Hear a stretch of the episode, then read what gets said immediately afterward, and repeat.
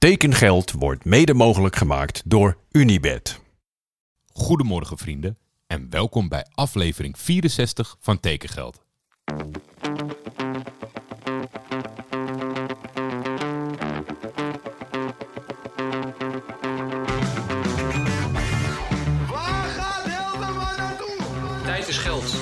Geld in voetbal is bijna een garantie voor succes. Hallo Paul, this is Hans Nijland. I would like to invite you here in Groningen. In de zomer gaat Van de Beek naar Gaat Van Madrid. de Beek gewoon naar Real Madrid. Manchester United hoeft niet meer te bellen. Die hoeven niet te bellen. Nee, nee.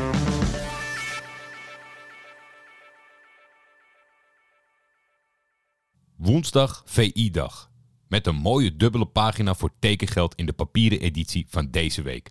De leiding van Schietvogeltje Media was niet te spreken over de timing vanuit marketingoogpunt, omdat we nog maar twee uitzendingen te gaan hebben. Maar daar heb ik tegen ingebracht dat dit gouden bergen gaan worden voor seizoen 3. En daarnaast heb ik het zelf gewoon uitstekend naar mijn zin gehad tijdens het uitgebreide gesprek dat ik had met Sjoerd Keizer. Dus CTO, CMO en COO kunnen lekker de boom in. Volgens mij verschijnt hij ook digitaal op VI Pro. En aangezien tekengeldluisteraars dat allemaal hebben, komt het helemaal goed. Morgen trouwens aanwezig bij het mirakel van Enschede. Dus hoop dat ik de treurnis van gisteren met betrekking tot Galla van mij af kan gooien. En na de wedstrijd tijdens de pitch invasion Ugalde op de schouders kan nemen na zijn zes doelpunten tegen Venner. Transfertijd nu. Ajax begon de dag met de aankondiging van nieuwbakken Georgische spits George Mikautatse. Heel mooi filmpje over dat George de nieuwe Arvelatse zou moeten worden. Toch een tikkeltje vals sentiment in mijn herinnering. Want toen de spits, waar ik zo enorm van kon genieten, gelukkig kwam hij later nog een keer terug naar Nederland, bezig was om een echte clubman te worden, is hij een beetje de tent uitgejaagd omdat Ajax het nodig vond om Nikos Maglas te halen. Maar dat geheel terzijde. Terug naar Mikautatse. Ik sla wel eens een wedstrijd van Mets over na het vertrek van Ribéry, Mondragon en Rigobert Song. Maar Jeremy Smith slaat al decennia geen pot over van de club met de prachtige kleur. Dus vertel Jeremy, wat kunnen we in Nederland verwachten van deze Georgiër? So all Mess fans knew that this was coming all through the summer, um, and it's a little consolation that, that George Mikatadze is going to, to such a great club in Ajax, but we're all still gutted that that he's leaving Mess. Um, I mean, it's probably not too dramatic to say that with him go, Mess's chances of staying in in Liga um, to next season. Um, what he's done in his time at Mess has, really been great. He's still only 22 and, and he's got such a great future ahead of him. Um, we he he kind of he started out in the Lyon academy, but they didn't keep him probably because of concerns that he's he's sort of quite short. He's not a kind of typical big burly striker or anything like that. So he joined the the Metz academy, sort of worked through the ranks, and then he was loaned to Mess's sister club Serein in in Belgium for a couple of years. First year in the in the second division where he he took the league by storm and, and scored a lot of goals. I think on his debut he scored a hat trick or four goals and, and sort of carry on from carried on from there, helped the team to be promoted. And then the next year, obviously in the you know the high, the higher level, not quite as many goals, but still I think nine goals in his first season in, in a top flight is a very good return. I think even then a lot of Mess play, Mess fans would have liked him to have, have been at Mess for that year, and the fact that he was loaned out for a second season was a little controversial. But then the following season, which is last season, um, he stayed at Mess for for league for their Ligue 2 campaign in the second tier. And to be honest, I think a lot of Mess fans we weren't really expecting to be candidates to, to get promoted, but probably the, the reason that we did was was was Mikotauzi. He scored, I think it was twenty three goals and eight assists um, across the season. He was the, the the division's top scorer. He was voted the League Two Player of the Year.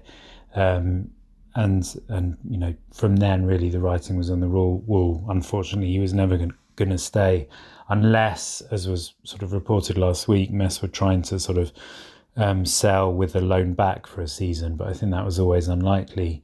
And typically for Mess, I think you know if the if the reported figures of 16 million, even with the three three million potential bonuses, that that sounds a bit of a bargain. I think it's not typically not great business on Mess's side, especially because the money isn't going to be reinvested into buying another striker, which isn't great.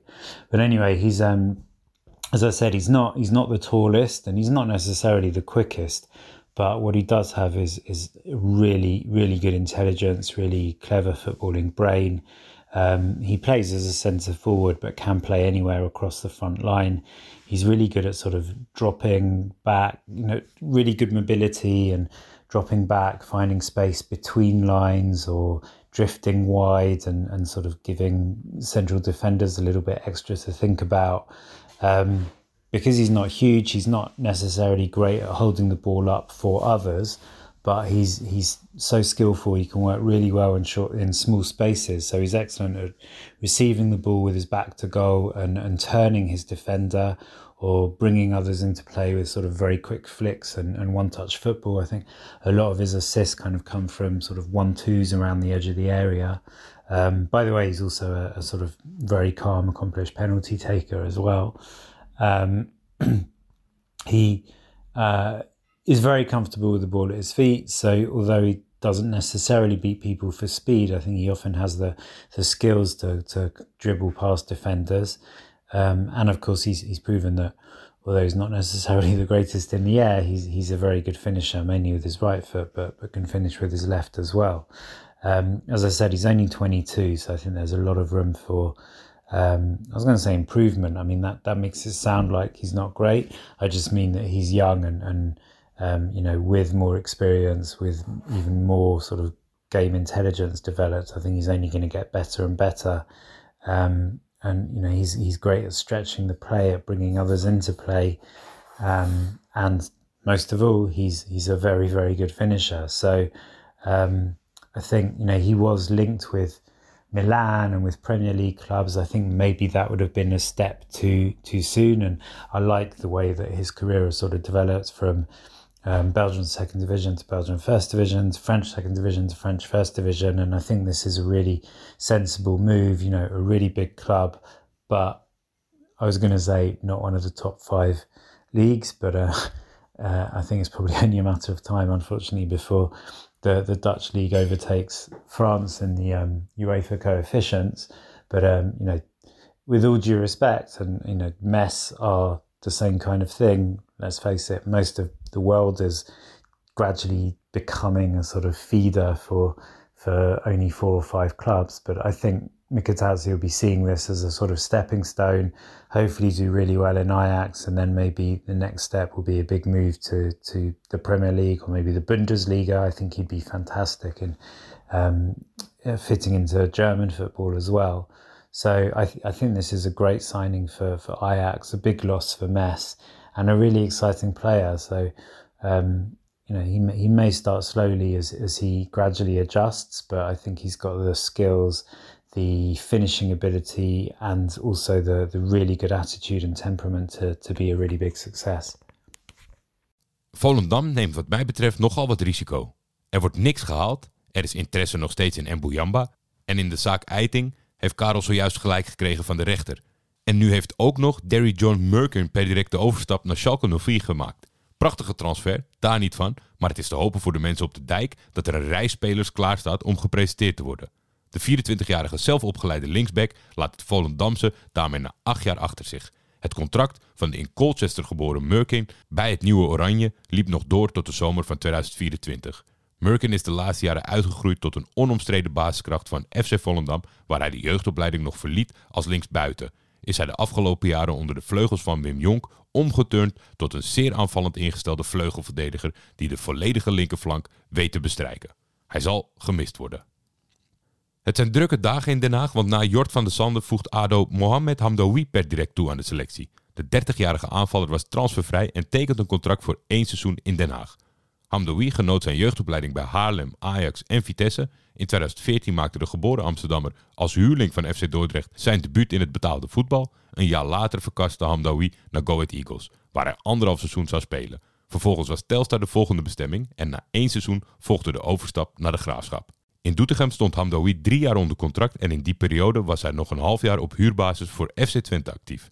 In de zomer van 2021 koos de multifunctionele speler voor een avontuur in Azerbeidzjan bij Zira FK. Hier speelde hij 66 wedstrijden waarin hij goed was voor 5 doelpunten en 12 assists. Afgelopen zomer liep zijn contract af en tekent hij nu dus transfervrij voor ADO Den Haag. Zo langzamerhand. Ik had natuurlijk aan het begin van tekengeld ADO een beetje weggezet als dat kon wel eens heel teleurstellend gaan worden. Maar met Veerman, Van Michem, Van der Sande, Hamdoui, het begint nu toch wel aardig ergens op te lijken. Als het achterin maar een beetje weten dicht te houden. De Nederlandse enclave van Karmiotissa op Cyprus is uitgedund, want Telstar kan per direct beschikken over Danzel Gravenberg. De aanvaller komt transfervrij over van Cyprus, waar hij op het hoogste niveau uitkwam. De Noord-Hollander gaat bij de Witte Leeuwen onder voorbehoud van een positieve medische keuring een verbintenis aan tot 2024. Succes, Denzel. MVV Maastricht heeft voor de rest van dit nog prille voetbalseizoen Bout Terwingen gehuurd. De 20-jarige Belg komt over van Patro IJsden uit Maasmechelen. Terwingen is een aanvallend ingestelde speler die op diverse plekken uit de voeten kan. Bij het horen van Patro IJsden moet ik altijd meteen denken aan Zalar Azimi. Maar na één prompt op Google blijkt die al sinds 2021 niet meer de voorzitter daar. Ik vond het al zo stil rondom de club. VVV Venlo heeft een keer inkomend nieuws. Magnus Kaastrup wordt per direct toegevoegd aan de selectie. De 22-jarige Deense buitenspeler maakt op huurbasis de overstap van Lingby BK naar VVV. Dat een optie tot koop heeft bedongen in de huurovereenkomst.